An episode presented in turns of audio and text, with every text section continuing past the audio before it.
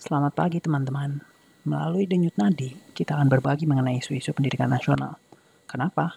Karena ibarat denyut nadi yang menjadi penanda nyawa seseorang, pendidikan menjadi penanda kualitas kehidupan sebuah bangsa. Saya juga masih berprofesi sebagai pendidik dan pengampu seni budaya setelah sekitar 15 tahun lebih. Nah, tunggu apa lagi? Yuk kita dengarkan episode pertama Denyut Nadi. Isu perdana yang kita bahas tentu saja pendidikan.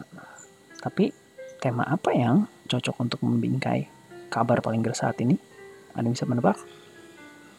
Apa karena kita punya mendikbud baru yang termasuk senials dan jentik alias jenius TIK atau teh savvy? Itu mau biasa. Tapi yang jauh lebih geras daripada isu mendikbud baru adalah bahwa ia langsung menunaikan janjinya saat pelantikan, yaitu mendengarkan para ahli pendidikan. Hah? Kok bisa ya? Nah, yuk kita simak lebih lanjut denyut tadi. Denyut pertama, pelunasan janji pertama Mendikbud baru.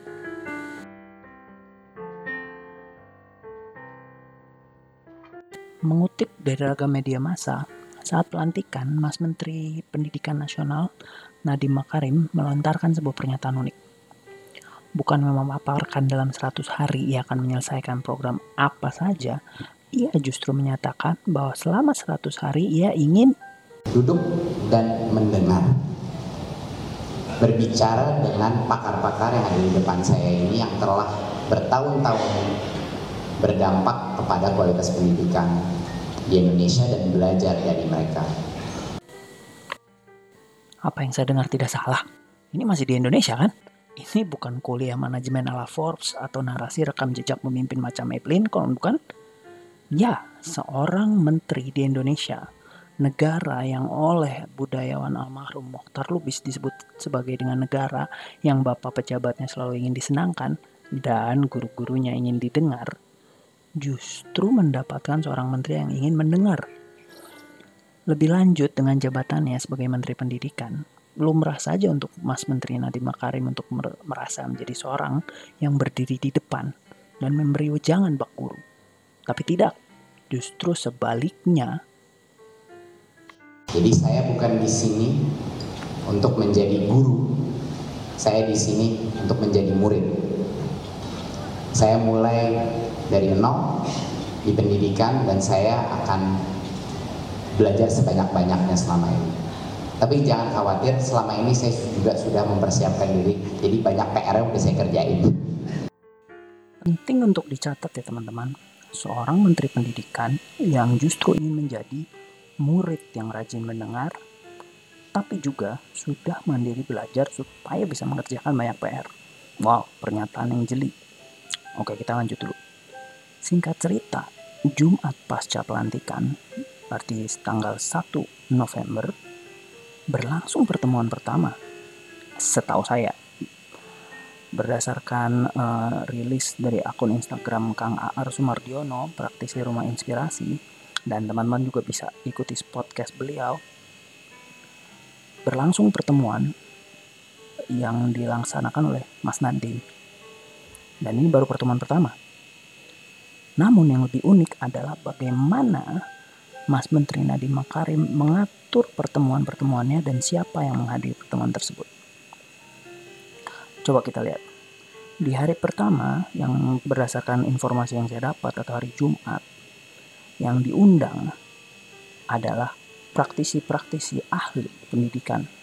Jadi bukan sekedar ahli yang duduk di akademisi atau bangku universitas. Beberapa di antaranya bisa kita sebut ada uh, Ella Syihab dari kampus Guru Cikal, kemudian ada pelatih guru senior semacam Bu Ice Kodijah, Bu Aulia Wijiasih, Kemudian selain itu ada Bu Antarina SF Amir dari High Scope Indonesia. Kemudian ada dari Masagi, Teh Iva Misbah, Ciwe Linhan. Kemudian dari PSPK ada Kak Nisa Farits. Dari Rumah Inspirasi ada Kang Aar. Dan dari Institut Teknologi 10 November Surabaya ada Profesor Daniel Rosid yang juga penggerak unschooling dan tentu saja salah satu yang senior adalah Pak Darmaning Tias. Itu hari pertama. hari kedua dengan tema yang lebih uh, terfokus lagi yaitu guru dan tenaga kependidikan. Ini antara lain dihadiri oleh ada Asosiasi Guru Teknologi Informasi dan Komunikasi Indonesia, ada Majelis Pendidikan Kristen di Indonesia, ada Perkumpulan Sekolah SPK di Indonesia, uh, eh, ANPS, dan kemudian Kampus Guru Cikal, Ikatan Bimbingan dan Konseling Sekolah, Ikatan Guru TK Indonesia PGRI, Komunitas Guru Belajar, LPP Ma'arif NU, Asosiasi Guru Fisika Indonesia, FG Tiknas Federasi Guru TIK dan KKPI Nasional, MNPK Majelis Nasional Pendidikan Katolik, APKIN, kemudian AGMI Asosiasi Guru Matematika Indonesia, FGI Federasi Guru Independen, Ikatan Guru Indonesia IGI, AGSI Asosiasi Guru Sejarah Indonesia, FSGI Federasi Serikat Guru Indonesia, PGRI Persatuan Guru Republik Indonesia, Himpaudi Himpunan Pendidik dan Tenaga Kependidikan PAUD Indonesia,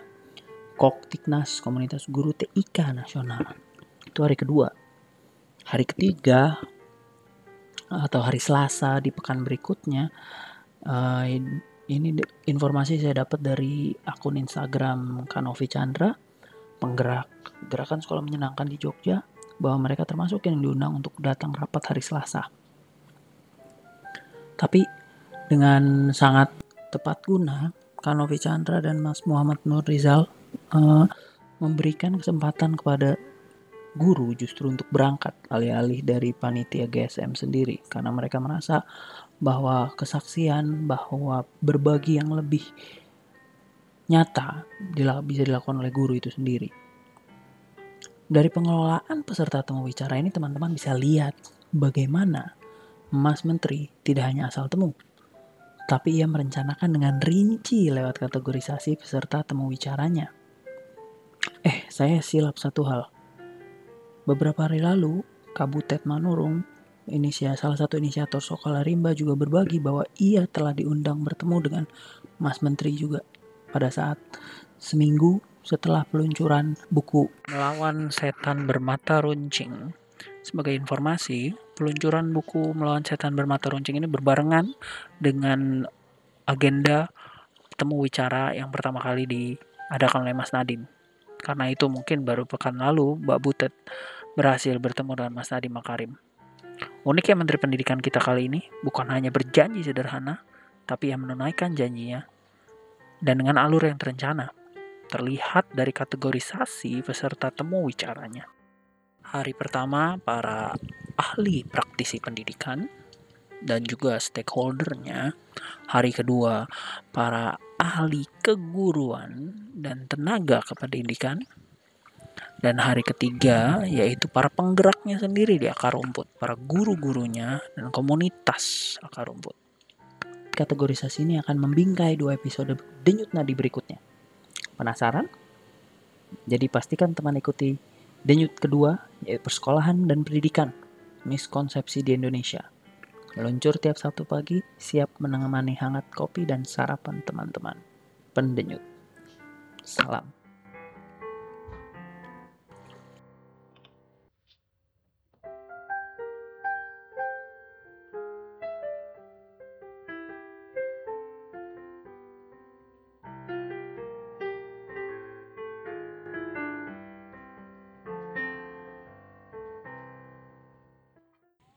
Terima kasih atas perhatian teman-teman pendenyut.